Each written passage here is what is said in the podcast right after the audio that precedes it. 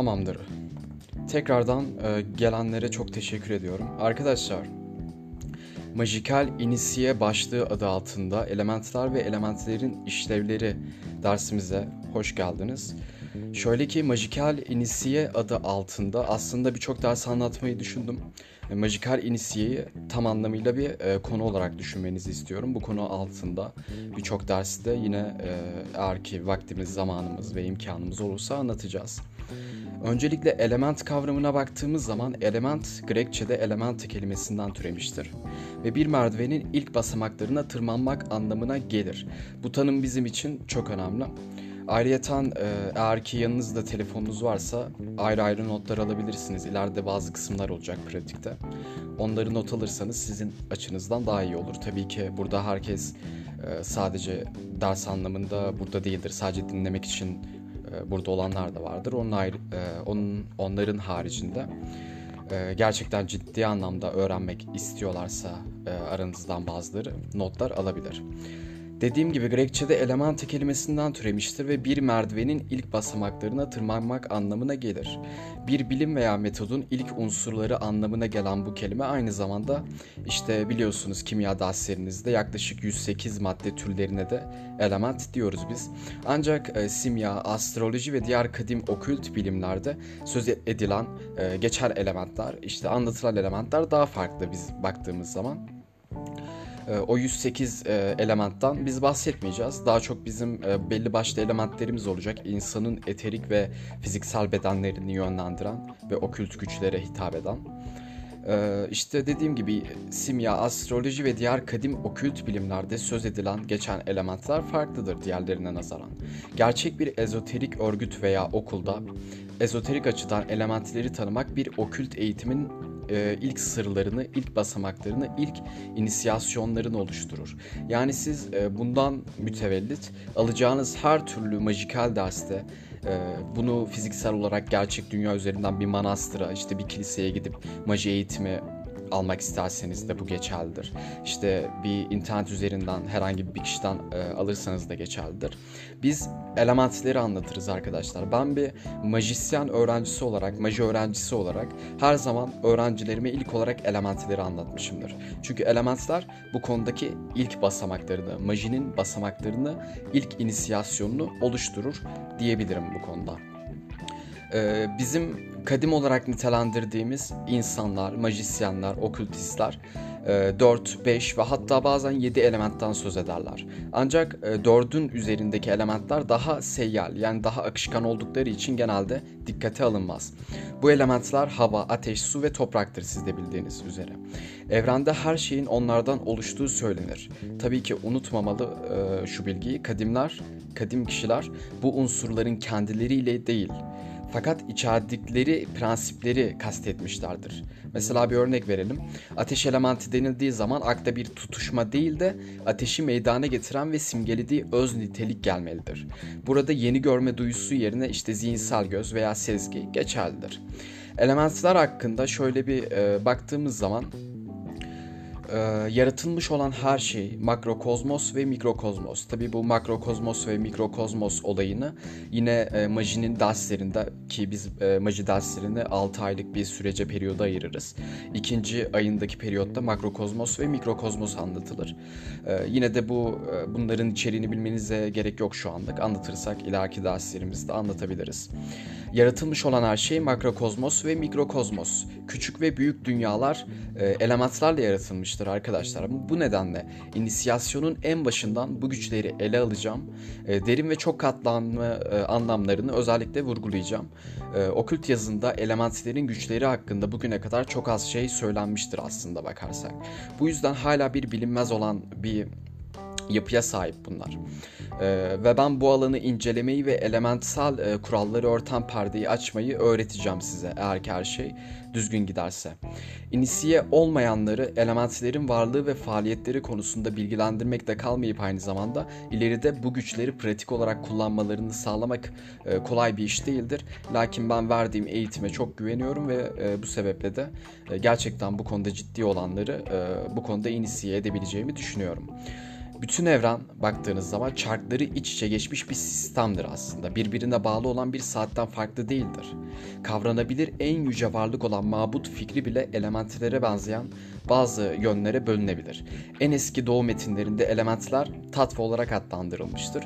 Biz e, tatva kısmından bahsedeceğiz elementlerin çünkü bizim ilgilendiğimiz kısım, kısım maji ve e, bu konuda tatvalar bize daha uygun düşüyor.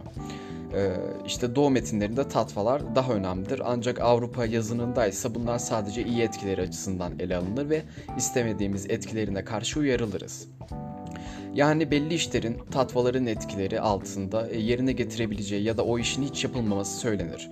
Bu sözün doğruluğuna kuşku yoktur ancak e, bugüne kadar yayınlanmış olan bilgiler aslında baktığımızda sadece elementlerin hafif etkilerine işaret etmekle yetinirler. Tatvaların kişisel kullanımı ile ilgili olarak elementlerin etkileri astroloji kitaplarından yeterli ölçüde öğrenebilir. Ancak ben elementlerin sırlarının daha derinlerine iniyorum. Dolayısıyla kendime farklı bir anahtar seçiyorum. Bu anahtar astrolojik anahtara benzese de aslında onunla hiçbir ilgisi yok arkadaşlar. Anahtarı hiçbir şekilde bilinmeyen okuyuculara onu çeşitli şekillerde kullanmayı öğreteceğim sadece.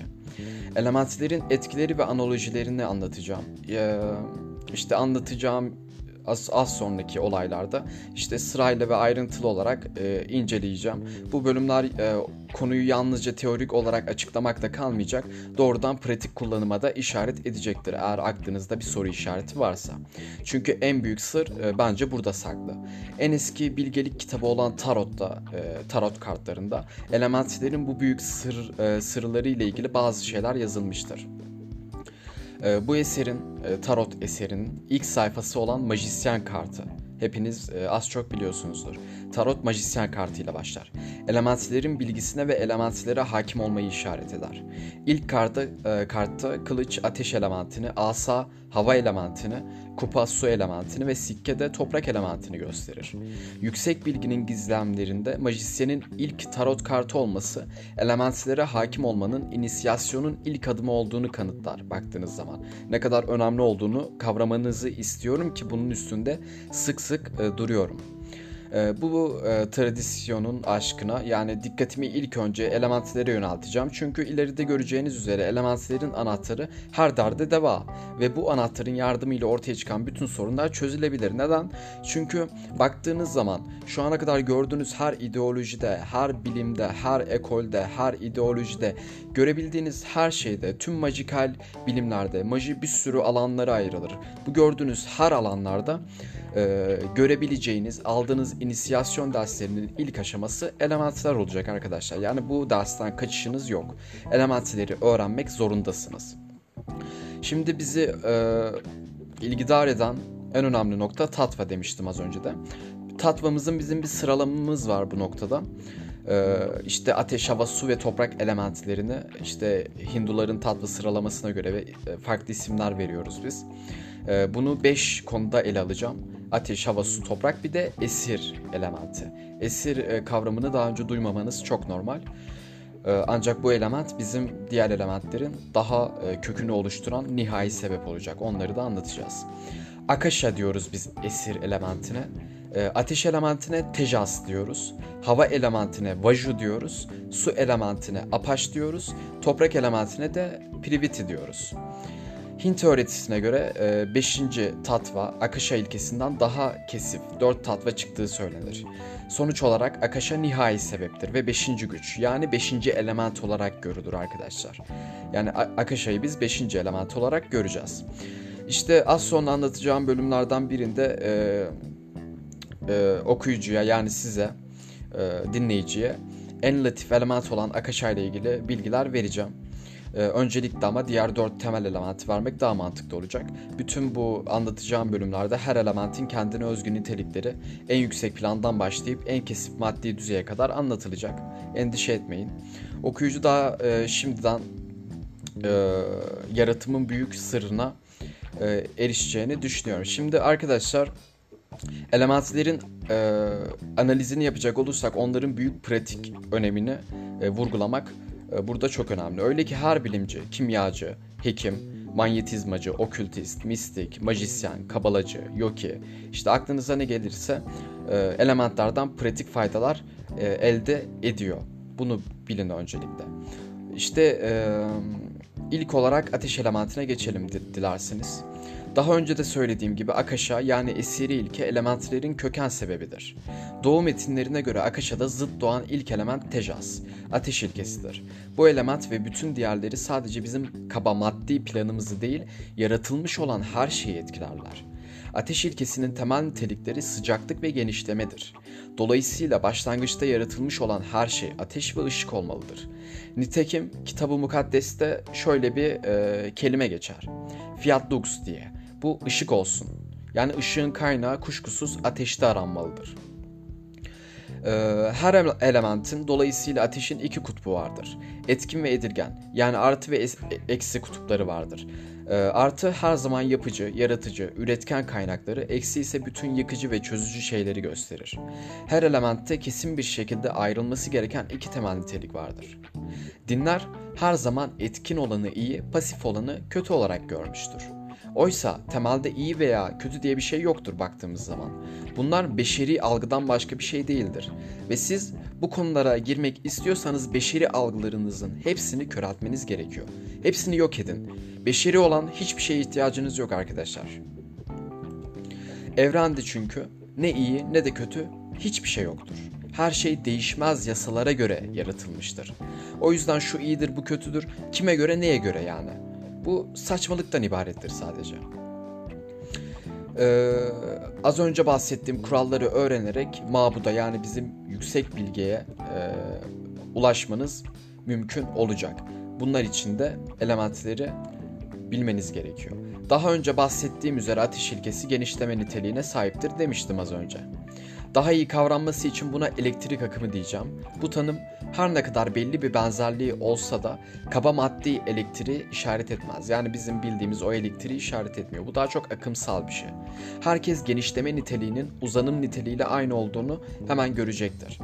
Bu temel ateş ilkesi yaratılmış olan her şeyde uyku halinde veya etkin halde bulunur. Aslında bakarsanız küçücük bir kum tanesinden görünen veya görünmeyen en yüce töze kadar bütün evrende bu ateş ilkesi vardır arkadaşlar. Su elementine geçeceğiz. Bu arada şöyle bir dipnot geçeyim. Şimdiki verdiğim ateş, su, toprak, hava e, işte ve esiri ilke tanımlarından e, benim derslerim biraz böyle ağır derslerdir. E, anlatımım biraz daha ağırdır. Biraz daha dikkatli dinleyip anlamanızı diliyorum. Anlamazsanız da sıkıntı yok. Tekrardan dediğim gibi podcast kaydediyorum. Onun haricinde de daha sonraki bölümlerde, okuyacağım bölümlerde daha basitleştirilmiş anlamları göreceksiniz. Şimdi su elementine geçelim. Bu arada bir bakayım. Evet sesimiz geliyormuş. Ee, su elementine geçelim. Ee, az önce anlattığım bölümde etkin element ateşin niteliklerini ve kaynağını inceledik değil mi? Bu bölümde zıt ilke olan su ilkesini anlatacağım. Bu ilkede esiri ilke olan akışadan gelmiştir. Diğer ilkeler gibi. Ee, burada e, o zaman anlamamız gereken nokta ne? Bizim evrendeki öğrenmemiz gereken, bilmemiz gereken ve en işlevsel e, olan bu dört elementin hepsi neredeyse esiri ilkeden, Akasha'dan gelmiştir. Akasha'nın önemini tekrar vurguluyorum burada. Ee, suya baktığımız zaman ateşe kıyasla hayli zıt niteliklere sahiptir. Bu temel nitelikler soğukluk ve büzülmedir, ateşin tam tersine. Bu ilkenin de yine iki kutbu vardır. Bunların biri etkin, yapıcı, hayat verici ve besleyici. Koruyucu kutup iken, diğeri yıkıcı, çözücü, fermante edici. Ee, yani anladınız işte, parçalayıcı ve bölücüdür. Bu element temel büzülme ve daralma niteliğine sahip olduğu için manyetik akımı üretir. Ateş ve su bütün her yerde işler haldedir. Ve çoğu e, şu ana kadar işte dogmatik olarak aldığınız bilgide işte ateş ve suyun ne kadar zıt e, elementler olduğu söylense de aslında majide ateş ve su ayrılmaz bir bütün gibidir arkadaşlar. Bunu da e, az sonra değineceğim. Ee, çünkü yaratımın kurallarına göre ateş ilkesi kendi içinde zıt kutbunu yani suyu ilkesini içermeseydi varlığa gelemezdi. Tam olarak bahsetmek istediğim nokta bu. Tekrar e, cümleyi söylüyorum.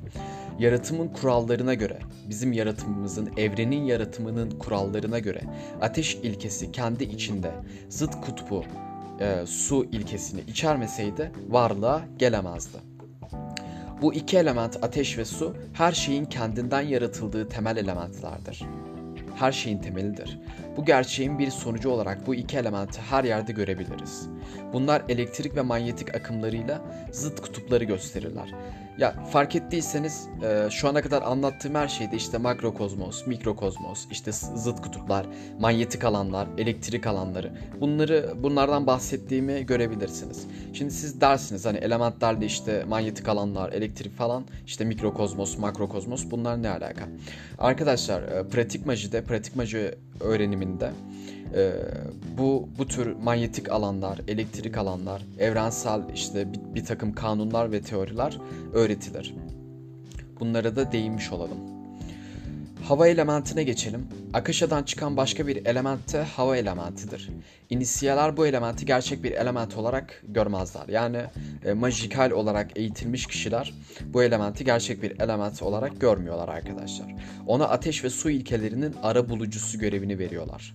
Böylece hava ilkesi kendine özgü bir yolla su ile ateşin etkin ve edilgen faaliyetleri arasında aracı görevi görerek nötr bir denge tesis ediyor. Çok ilginç.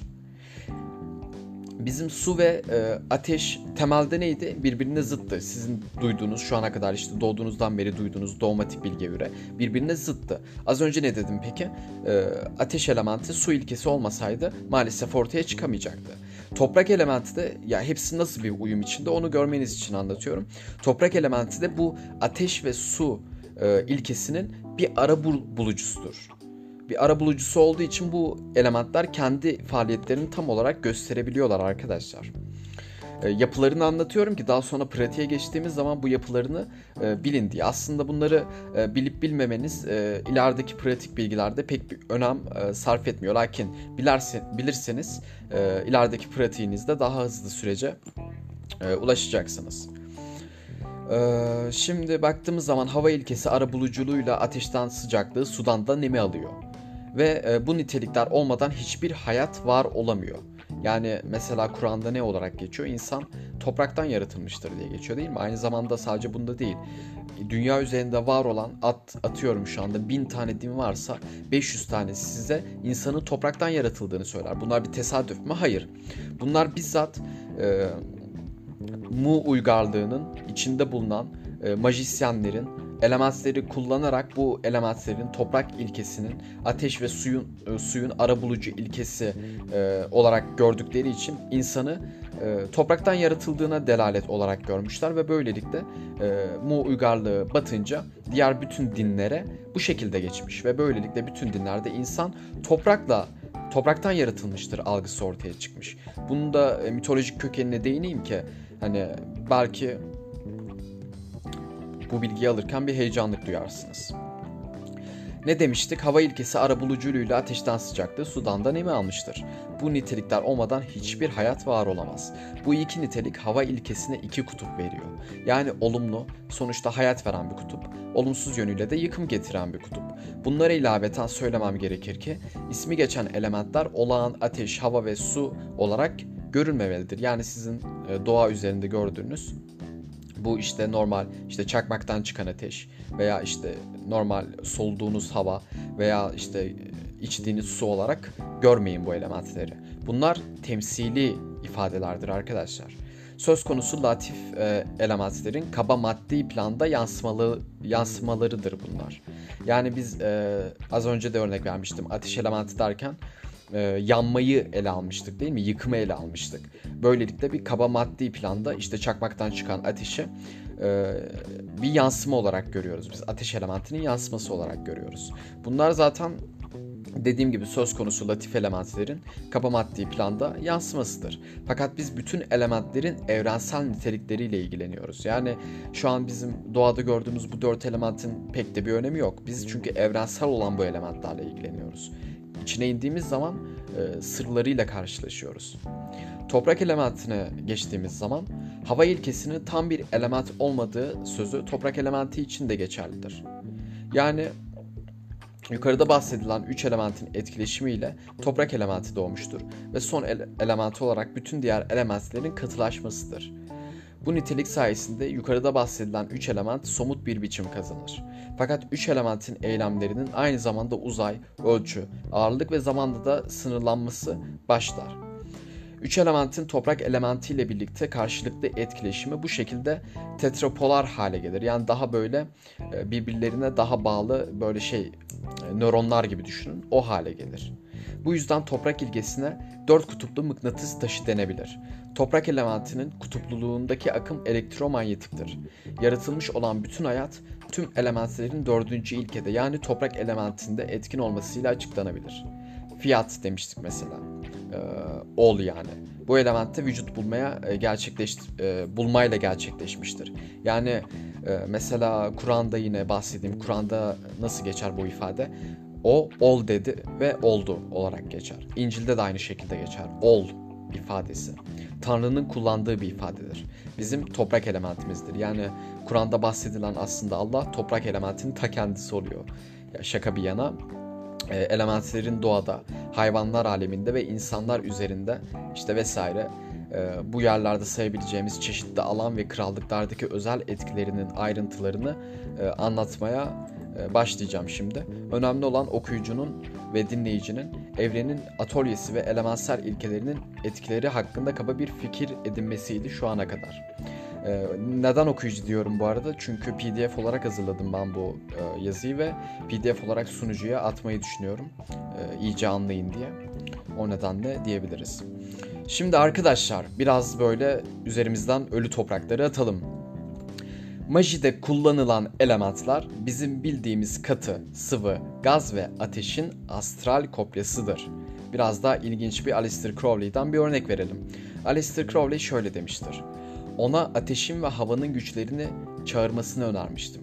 O ateşin ateşiyle seremoniye başlayınca herhangi bir elektrik karışıklığı belirtisi yoktu. Ancak birkaç dakikada bir fırtına koptu ve onun mabedine yıldırım çarptı. Başka bir kardeş suyun gücünü çağırdı ve seremoni esnasında evindeki su deposu patladı ve evi su altında kaldı. Buna benzer olaylar güçleri somut bir ifade ile tezahür eden majisyenlerde gözükmektedir. Ancak böyle insanlara ender rastlanır. Şimdi bu cümleden hiçbir şey anlamadığınızın farkındayım.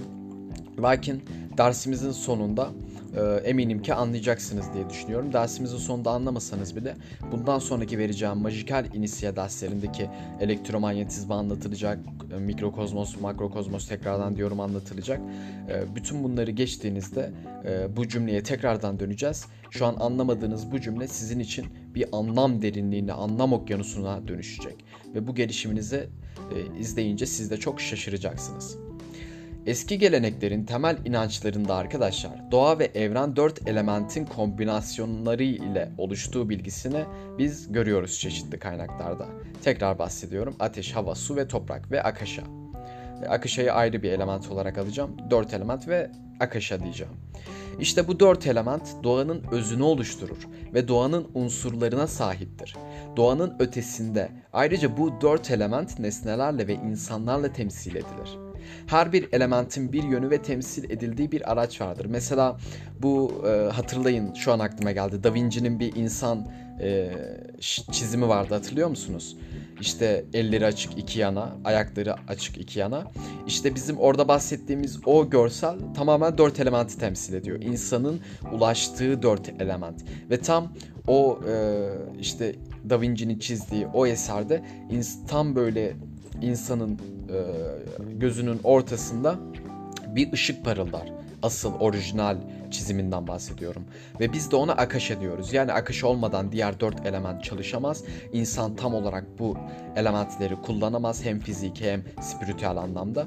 E, buna vurgu yapılmıştır. Ve zaten de Da Vinci'nin e, çeşitli işte gizemli okült oluşumlarda bulunduğu e, bilgisi var lakin biz tam olarak bilemiyoruz bunu. Zaten çizimlerinde de Da Vinci bunu net bir şekilde aslında bağırarak söylüyor. E, bu Mason hocası olabilir veya o dönemde kurulmuş e, çeşitli kuruluşlar olabilir. Onu bilemeyeceğim. Ona da başka bir gün değiniriz artık. Konudan bağımsızlaşmayalım. Kısacası bu dört elementin tesirlerini eski geleneklere göre her yerde görebilirsiniz. O yüzden Eskiler bu dört elementin bilinçlerine saygı duyarlar. Her elementin bir bilinci vardır ve onları yardım için çağırırlardı. Bu çağrımlar daha çok kozmik sınırları çizmek içindir. Ee, element çağrımı işte alemleri ayırmada, boyutları ayırmada, kişiyi korumada ve kutsamada kullanırdı. Kullanılırdı. Yani biz burada e, bu cümleye biraz daha dikkat çekmek istiyorum. E, ne diyor burada? Element çağrımı alemleri, boyutları ayırmada. Biz boyutları e, ayıran kişileri kim olarak e, görüyoruz? Kabalistler. E, Kabala konusunda uzmanlaşmış kişiler boyutları ayırmada ayrı bir uzmanlık olarak çalışıyorlar. E, kişileri korumada yani mesela bazı koruma büyüleri vardır, koruma ritüelleri vardır. E, çeşitli o ritüelleri düşünün. Elementler bunları bunlara da işe yarıyormuş ve kutsamada insanları kutsamada kutsam olarak da nereden örnek verebilirim? Çeşitli dinlerde işte teistik satanizmde olduğu gibi anmalar olur. Anmalarda da e, kullanılıyor bu elementler. Bu elementlerin çağrımı. Yani baktığımız zaman aslında bu büyü olaylarında ki kara büyüden bahsetmiyorum ak büyü olaylarında işte e, koruma olaylarında, koruma ritüellerinde, e, boyutları ayırmada, kabalada ve majinin çeşitli konularında hatta majinin şöyle söyleyeyim e, majinin %60'ı, %70'i e, çeşitli ritüellerden ve sanatsal faaliyetlerden oluşur ve bunları e, bu astral olayları gerçekleştirebilmeniz için elementleri kullanmanız, aynı çakralarınızı kullanmanız için e, kadar önemlidir. Çakralarınızı kullanmanız kadar önemlidir. E, işte eski geleneklere göre insanlar çağırırdı bu elementleri demiştik. E, elementler çağrılarak kişi kendi maddi, kişi kendini maddi dünyadan ayırır. İşte dört yönün e, güçlerini çağırır her element bir yöne tekabül eder demiştik. Bu elementlerin oluşturduğu çemberle korunur, element enerjilerini nesnelere yükleyip elementlerin o nesneleri kutsaması istenirdi. Kısaca yaratımın ve e, ritüelistik çalışmaların temelini oluştururdu. Hiçbir ritüel elementlere saygı ve onların çağrımı olmaksızın başlamazdı. Az önce dediğime geldik şimdi majikal olarak kendinizi majisyen olarak yetiştirmek istiyorsanız buradan ilerideki işte bundan bir sene sonra çoğunuz eminim ki bir yerlere başkan olursunuz. Çünkü burada bu Discord aleminde eskiyen insanlar kendilerine bir sunucu açıyor veya bir başka sunucularda yönetici oluyor. İşte diyelim ki bu sunucu kapandı gittiniz başka bir sunucu açtınız. Bir majisyen olmaya karar verdiniz ve maji anlatmaya başladınız. Arkadaşlar bir majisyen olarak yaptığınız ritüelistik çalışmaların temeli elementleri kullanmaktır. Bu elementleri kullanmadan maalesef bu ritüelleri gerçekleştiremezsiniz. Bir imajinasyon kadar, bir çakra bilgisi kadar, bir enerjisel, süptil beden, işte eterik beden, bedenlerin kullanımını bildiğiniz kadar bunu da bilmek zorundasınız. Çünkü ben bakıyorum diğer her şeyde uzmanlaşan insanlar elementleri nedense es geçiyor. Bu konuya da ben tav oluyorum. Biraz daha e, açarsak sıkıcı kısımları biraz daha hızlı anlatmam gerekirse sizin nazarınızda. Kağıtlarda ise her bir element ayrı bir diyar olarak benimsenirdi. Rüzgar krallığı, alev krallığı, deniz krallığı ve taş krallığı. Ki bununla ilgili Avatar diye bir filmimiz var. Bu da tam olarak bunu anlatıyor aslında. Her birini yöneten bir tanrısal varlık olduğu ve her birinin manevi alemlere açılan kapılar olduklarına inanılırdı. Haliyle her bir krallıkta yaşayan varlıklarda e, varlıklarda çeşitli elementsel oluşumlar gözlenirdi arkadaşlar. Şimdi biz bu varlıklara ne diyeceğiz? İleride aldığınız maji eğitimlerde de bu varlıkları göreceksiniz ve adını duyacaksınız. Gnomlar var. Daha çok böyle eterik canlılar. Deniz kızları var. Semendarlar var. Ejderhalar var. Ateş ördekler var. Elfler var. Periler var. Bla bla bla.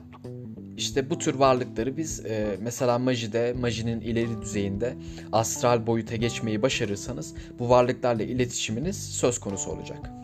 Her neyse bu varlıkları da işte gelemen, e, genellikle elemental varlıklar diyoruz biz. Buna da bahsedelim. Elemental varlıklara e, neden giriyorum? Çünkü elemental ya adı üstünde e, tek bir elementi, tek bir e, saflığı e, anlatan ve boyutlayan varlıklar. Bu dört evrensel gücü çağırmak için öncelikle elementlerin iyi özümsenmesi şarttı. Her bir element üzerinde günlerce meditasyon yapılıp onların doğaları keşfedilirdi. Keltlerde işte diğer e, uygarlıklarda vesaire. Ya bir majisyenin yapması gereken bir şey aslında. İsim vermem de çok yanlış. Bu elementleri e, iyi özümsemek için her bir element üzerine günlerce meditasyon yapmanız gerekiyor. Onların doğalarını keşfetmeniz gerekiyor. Nerede yansımaları olduğunu, işte en önemlisi içimizdeki hangi duygularla bütünleştiklerini tespit etmeniz gerekiyor. Bu özümsemeden sonra çağrışım için her elementin yönüne dönmek şarttı. İşte e, bunu biraz hatırlamam gerekiyor. Toprağı çağırmak için e, kuzeye dönüyorduk evet. Suyu çağırmak için batıya dönmemiz gerekiyor. Havayı çağırmak için e, doğuya ve ateşi çağırmak için de güneye dönüyorduk. Eğer yanlış hatırlamıyorsam ki yanlış hatırladığımı düşünmüyorum. E, bu şekilde her bir elementinde belli bir yönü vardır. E, bu dersten sonra ben bu elementleri çağırmanız için yapılabilecek meditasyonları meditasyon kanalında bir şekilde atarım. Ve pratik olarak da bu şekilde tamamlamış oluruz. Ee, şimdi biraz daha eğlenceli kısma geçecek olursak ateş için bıçak, hançer, orak, e, işte ateme veya kılıç kullanılırdı. Çünkü bunlar ateşte dövülmüş nesnelerdir takdir edersiniz ki. Ve ateşin enerjisiyle yaratıldıkları için o enerjiyi barındırırlar. Su için metal bir kadeh veya deniz kadehi denen bir araç kullanılırdı. Kadeh dişiliğin, akışkanlığa biçim vermenin sembolüdür. Haliyle aynı zamanda e, suyun da temel sembolüdür. Kadehi deniz kabuklarından yapmak suretiyle deniz kadehi elde edilir. Bu arada bu bilgiyi de vereyim. Yazıda yok ama kendi aklımdan söyleyeyim ki aklınızda soru işareti kalmasın. E, toprak içinde sanırsam tuz veya taşlar kullanıyoruz. Majisyenler e, bunları kullanır yani. Havanın ise en temel sembolü asalardır arkadaşlar. Ve çağrışımda asalar önemli bir noktayı temsil ederdi. İşte bu noktada asa eskilerin en önemli ritüelistik araçlarından biridir. Havanın unsurlarını yani nefes, tesir, değiştirme, dönüştürme, çabukluk vesaire vesaire bu unsurları taşır. Bu yüzdendir ki asalar bir şeylerin e, dönüştürmenin yani bir şeyi bir şeye dönüştürmenin sembolüdürler. Bu yüzden hemen hemen her gelenekte asaya biz rastlarız. İşte, e, işte Eski doğa tabanlı geleneklerde havayla betimlenen ve dönüşümün aracı olan asanın bir diğer önemli sembolü de ağaçtır. Çünkü asalar ağaçtan yapılır. Şimdi bu noktada bu kısma geçmeden önce şunu söyleyeceğim.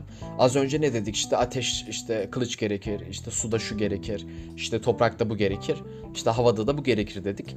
Ben e, kendi inisiyatifime göre size e, birini anlatmak istiyorum şu anda.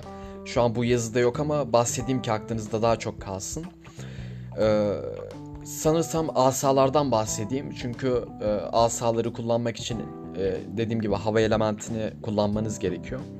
Ve asada çokça karşılaştığımız bir obje olduğu için bu konuda isterseniz e, birazcık aklıma ne gelirse söyleyeyim kısa bir şekilde. Arkadaşlar asalar e, az önce dediğim gibi dönüşümün en önemli aracı olmuşlardır. İşte bazı özel asalar dışında birçoğu ağaçlardan yapılıyor bu asaların. Ağaçlar gökyüzüyle yeryüzünü birleştirmektedirler teoride.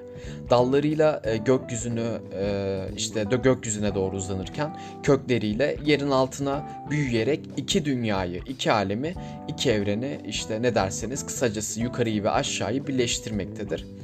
Bu yüzden e, işte yukarıdakini aşağıya, aşağıdakini yukarıya taşımakta görevli olan e, aracı insanların temel sembolü ağaçlar ve ağaçlardan elde edilen asalardır. Bu yüzden zaten ağaçlardan yapılır. Daha böyle spiritüel e, nitelik taşıması için sanırsam. Baktığımız zaman eski şamanlar işte yukarıdan aldıkları enerjileri halkı dağıtmakla görevliydiler. Değil mi? Bu şamanların görevleri buydu.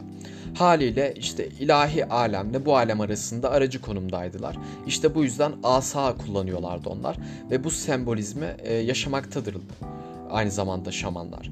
Aynı şekilde işte Hızır biliyorsunuz e, İslam'da Hızır diye bir e, adam var.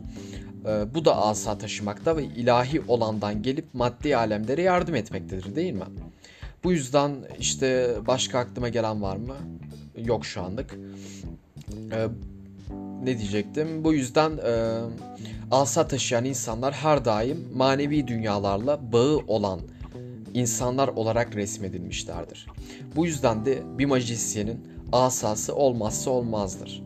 Ve bu yüzden de eğer ki ileride majisyen olacaksanız asa sizin için vazgeçilmez bir unsur olarak e, ritüellerinizde kullanacağınız bir araç olarak e, görebiliriz asayı.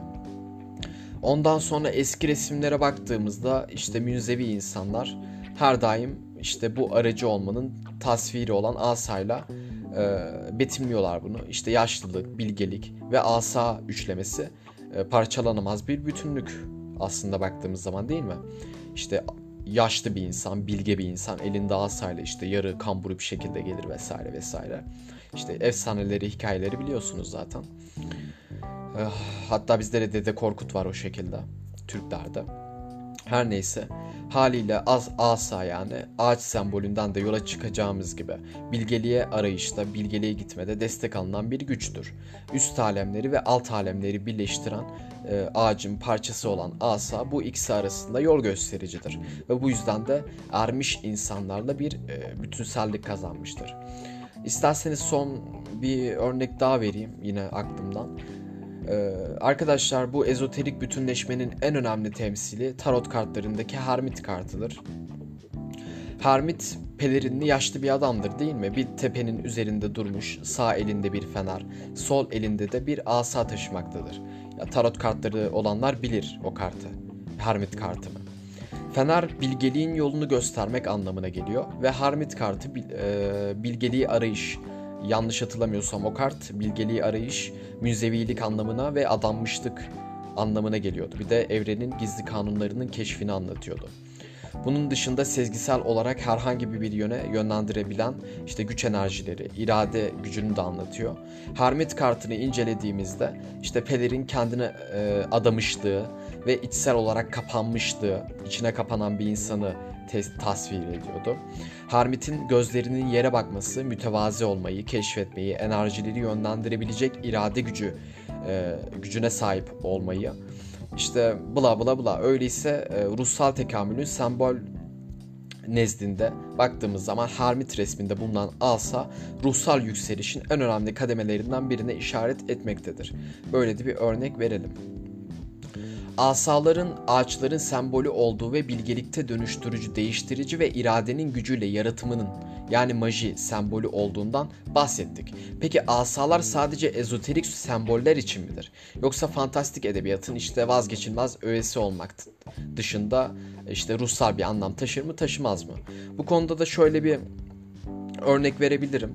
Biraz daha hızlanayım isterseniz sıkılmışsınızdır belki de. Ee, Hazreti Musa'yı bilirsiniz hepiniz İslam dinindeki. Hazreti Musa'nın asası vardır değil mi? Mısır uygarlığına işte bize çok büyük bir gücü işaret etmektedir Mısır uygarlığındaki o asa.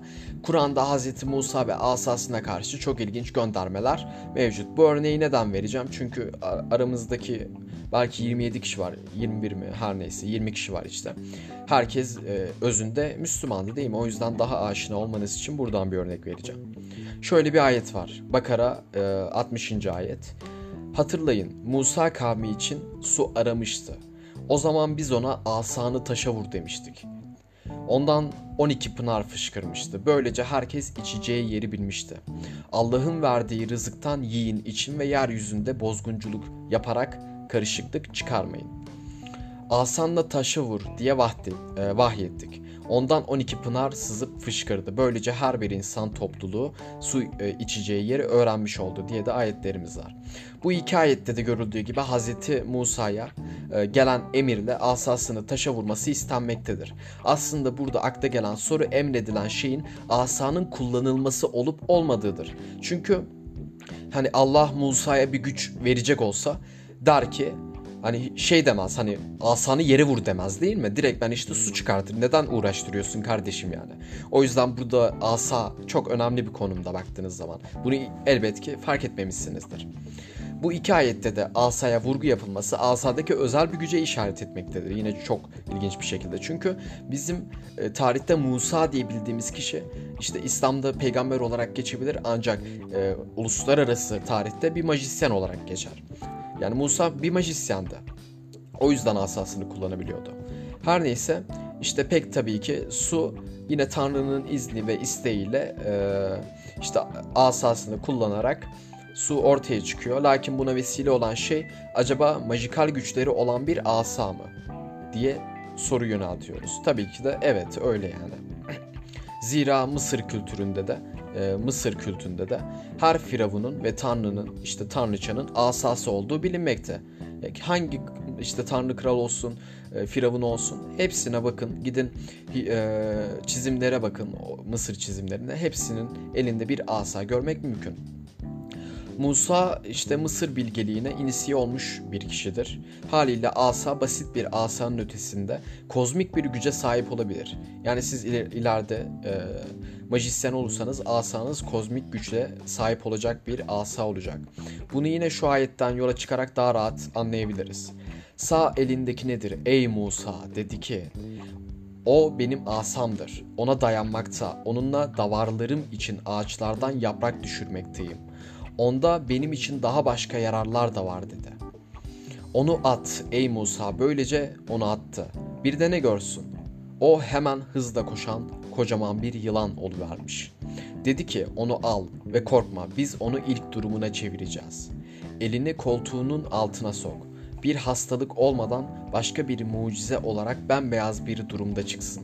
Öyle ki sana büyük mucizelerimizden birini göstermiş olalım. Bu ayette asa ile ilgili Hz. Musa ona dayandığını, destek aldığını ve ağaçlardan yapraklar düşürdüğünü söylemekte. Buradaki dayanma kısmı kozmik olarak enerjisel destek olabileceği gibi insani bir işlev de olabilir. İki anlamında e, aklımıza gelme sebebi Kur'an'daki her ayetin içerisinde sırlar barınmasındır barındırmasından dolayı.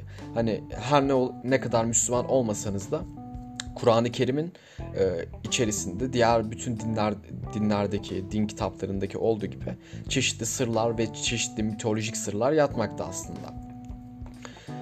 E, arkadaşlar bunu neden anlattım? Çünkü e, az önce bahsettiğimizde ne dedik işte elementlerin e, kullanılma için çeşitli araçlar kullanıyor. Elementleri işte bütünleştirmek için fiziki, madde, işte kabasal, maddi aleme geçirmek için. işte ateşi dedik, kılıç dedik mesela. Aynı şeyi kılıç için de örnek verebilirdim. Ki e, çeşitli yine mitolojide kişilikler var onunla ilgili.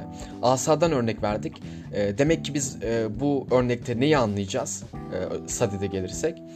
Biz bir elementi kullanmayı öğreneceğiz attım. Hava elementini kullanmayı öğrendik. Bir majisyen olarak, maji öğrencisi olarak. Ondan sonra bu hava elementini kullanmak için asaya ihtiyaç duyacağız. Ve asayı da aldık. Ben size asanın yapabileceği şeyleri anlattım. Ve böylelikle e, elementi kullanarak asayı kullanabildik. Ve böylelikle de işte e, sonuç olarak elementlere burada vurgu yapmış olduk. Sona geliyorum. E, son kısma geçelim.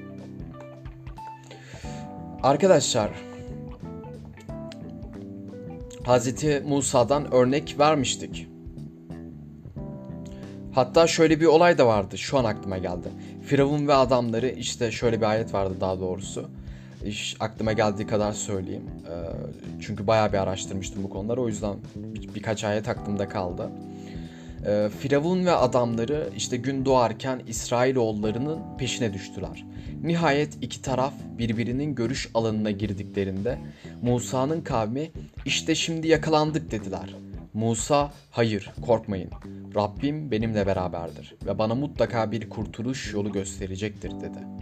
Ee, bu sırada biz Musa'ya asanı denize vur diye vahyettik. Çok önemli burası. Vurur vurmaz deniz ikiye yarıldı. Her iki yanı sanki büyük bir dağ gibiydi. Biz buradan yine neyle karşılaşıyoruz arkadaşlar? Asanı denize vur. İşte e, dikkatinizi çekmek istediğim nokta tekrardan asasını vurmasını istemesi. Deniz kendiliğinden ikiye ayrılmıyor arkadaşlar. Birden su fışkırmıyor. İlahi boyutlardan izin geliyor ve Hz. Musa asayı yere vurduğu anda muhteşem enerjisel değişimler oluyor. Sular çıkıyor, deniz ikiye yarılıyor. Çok önemli. Neden? Çünkü Musa, bizim bildiğimiz e, e, Musa, işte Allah demeyeceğim, Tanrı diyeceğim. E, buradaki çoğu insan inanmıyordur çünkü. O nedenle. E, Musa asasını yere vuruyor. Asasını nasıl kullanıyor peki? tabii ki de e, elementi kullanarak kullanıyor. Ve böylelikle bu elemente vakıf olduğu için böyle majikal, ritü, e, ritüelist şeyler yapabiliyor.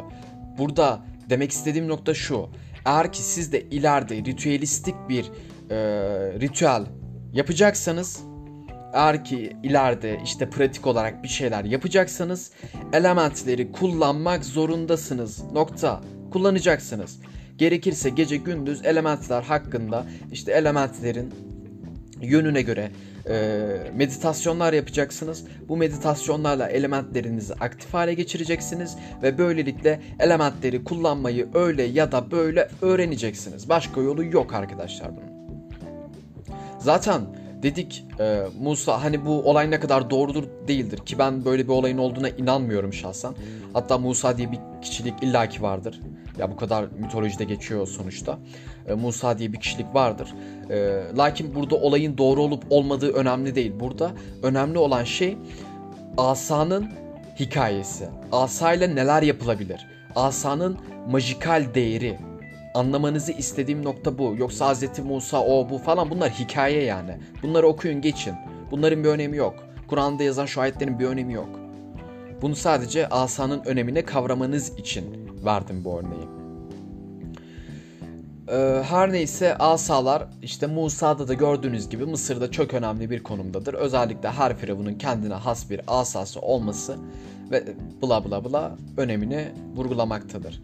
Son olarak arkadaşlar bazı ezoterik sistemler Özellikle neopaganlar. Aranızda pagan olanlar vardır.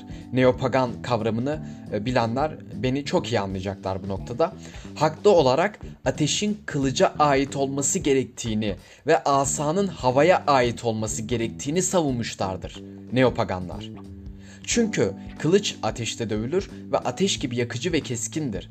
Asa ise hikmet ve denge sembolüdür ve göğe doğru çıkar. Ağaçtan yapılmıştır. Ağaçta havaya doğru açılır. Bu dört alet aslında majisyenin çalışmalarında sizlerin arkadaşlar sizler bu dersi dinliyorsunuz artık siz yavaş yavaş inisiye olmaya başladınız. Benim tarafımdan inisiye ediliyorsunuz şu anda. Bir başlangıçtır bu. Şu an 20 kişi olsak dahi aramızdan 5-6 tanesi ciddi olarak majisyen olmak istiyordur. Onlar için diyorum bunu. Bu dört alet aslında sizin çalışmalarınızda kullanacağınız aletler ve silahlardır arkadaşlar. En önemlisi de asadır. Asayı kullanacaksınız siz. Ben bunu e, majiyi inisiye ettiğim herkese bir asa hediye ettim ve o asayı kullanmalarını öğrettim. Eğer ileride sizin de, de işler ciddiye binerse e, size de yurt dışından getirdiğim, getirteceğim daha doğrusu o asaları hediye ederek e, majikal gelişiminize katkıda sağlayacağız. Ki zaten bundan sonraki derslerimizde de bundan sonra e, majikal inisiye adı altında yapacağımız ilk konuda kendi majikal defterinizi tutmak olacak. Bir defteriniz olacak. Majikal hikayenizi oraya yazacaksınız ve böylelikle majikal sarayınızda e, zihninizde kurmanıza yardımcı olacağız. Bundan da kısaca bahsedelim. Ne demiştik? Bu dört alet aslında sizin çalışmalarınızda kullanacağınız aletler ve silahlardır. Unutmamanız gerekir ki elementlerin içsel yönü de vardır. Elementlerde majisyenin kendisinde geliştirmek istediği belirli faziletler vardır. Ve bunlar temeldir arkadaşlar. Temeli sağlam tutmazsanız üzerinde istediğiniz kadar bina dikin, e, kat dikin. Yıkılacak ya çakraymış, oymuş, buymuş, mikrokozmos, makrokozmos, şuymuş, evrenmiş, e, şuymuş, teorilermiş, Einstein'ın teorileriymiş vesaire bunlar çok önemli. Bunlar majide çok önemli. Lakin temelde elementler olacak. Temelde elementleri bilmeniz gerekiyor. Ve elementlerde sizin kendinizde geliştirmek istediğiniz e, bulacağınız çeşitli faziletler olacak ve ben de bunları bulmanız için sadece size yol göstereceğim. Bunları kazanmak için onlara erişim sağlanması ve özümsenmesi gerekir. Elementleri özümseyin. Sadece kaba maddi plandaki hallerini değil arkadaşlar. Az önce bahsettim. Bunların her birinin ayrı ayrı derinsel ifadeleri var. Ateş dediğimiz zaman aklınıza bu dünyadaki ateş gelmesin. Su dediğimiz zaman içtiğiniz su gelmesin aklınıza. Bunların anlam ettiği, temsil ettiği şeyler gelsin aklınıza. Çünkü bizim özümsememiz gereken nokta bu. Topraktan yaratıldınız. Teorik olarak. Hani ciddi olarak söylemiyorum bunu. toprağın önemini bilmeniz gerekiyor. Toprak neden bir majisyene göre zaten e, bütün canlılık topraktan, e, toprağın arkasında da ateş ve sunu, sununun birleşiminden ortaya çıkmıştır bir majisyene göre. Buna da değinelim. Bir majisyene göre yaratım şu şekilde olmuştur. Ateş ve suyun ara bulucusu toprak ikisini bir şekilde birleştirmiştir e, spiritüel anlamda ve böylelikle ilk varlıklar oluşmuştur ve ilk varlık da suda oluşmuştur. Bu şekilde. Bunları kazanmak için onlara erişim sağlanması gerekiyor. Tarot kartlarının birincisi Majisyen adlı karttır. Bunu az önce de söyledim. Burada Majisyen çalışma masasının başında gözükür. Önünde dört aleti işte asa, kılıç, kupa ve para. Ee, yanlışım varsa düzeltin. Ee, bu Majisyen kartında asa, kılıç, kupa ve para olması lazım. Yani bu ne anlama geliyor? Majisyen bir yandan içsel elementlere hakim e, olmayı öğrenirken bir yandan da doğadaki çiğ güçler olan dışsal elementlerle de karşı karşıya gelmekte. Çok derin bir ya. Çok hani bir okyanus bu. Elementsel bir okyanus. Bu deneyim ilk başlarda biraz ürkütücü gelecek size. Çünkü insanlar doğadan uzak varlığından habersiz yaşamaya alışmışlar. Öyle yaşamaya alışmışsınız. Böylelikle e, ürkütücü gelecek size. İçiniz ürpe, ürperecek. Belki kaçacaksınız. Birçoğunuz başaramayacak. İşte teknolojisi, bilimi, ekonomisi, doğayı sömürmek üzerine kurulmuş bu dünyanın zaten. Doğayla iç içe kalamıyorsunuz bir kere. Şimdi yüzyıllardır büyük bir emekle dışarıda tuttuğu işte o vahşi güçle yüz yüze kalıyorsunuz. Atalarımız böyle değildi. Bizim atalarımız Uygurlar. Bildiğiniz e, Mu uygarlığının kalıntıları.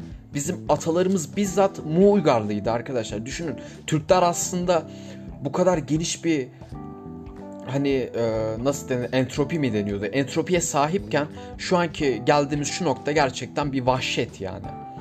Her neyse dediğim gibi bu dünyanın her şeyi neredeyse doğayı sömürmek üzerine kurulmuş.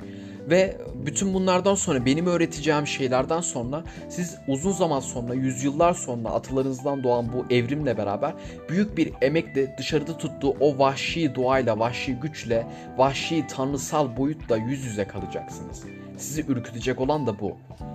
Bu da onun ilk inisiyasyonu olacak. İlk önce doğala yüzleşmeden daha yüksek inisiyasyonlar, kozmik sırlar, mistik haller vesaire tam olarak var olacak. Ondan sonraki yol inisiyasyon işte adayın kendisini tanıması olacak. Yani sizin kendinizi tanımanızı sağlayacağız. Vesaire vesaire. Derken ee, bakalım şöyle bir şey daha vardı. Şundan da birkaç dakika belki değinebilirsem ee, ondan sonra dersimizi bitirelim arkadaşlar. Fazla vaktinizi de çalmayalım isterseniz. Ee, biz ne demiştik? Elementaller demiştik. Burası biraz daha böyle okült bir konu lakin biraz da deli saçması bir konu. Okült bilimlerde elemental diye adlandırılan varlıklardan söz edilmektedir.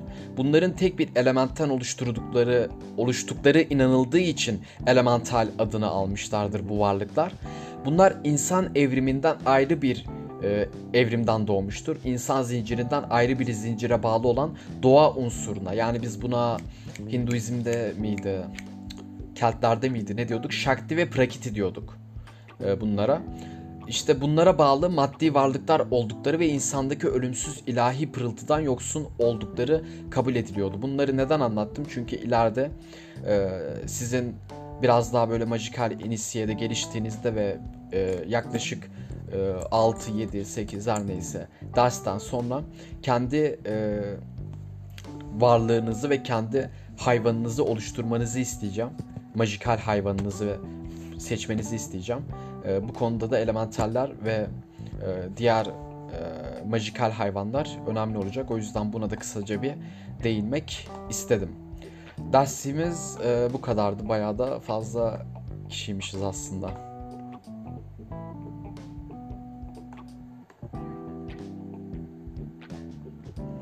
Tabii ki şöyle bir podcast'i de kapatayım. 54 dakika olmuş.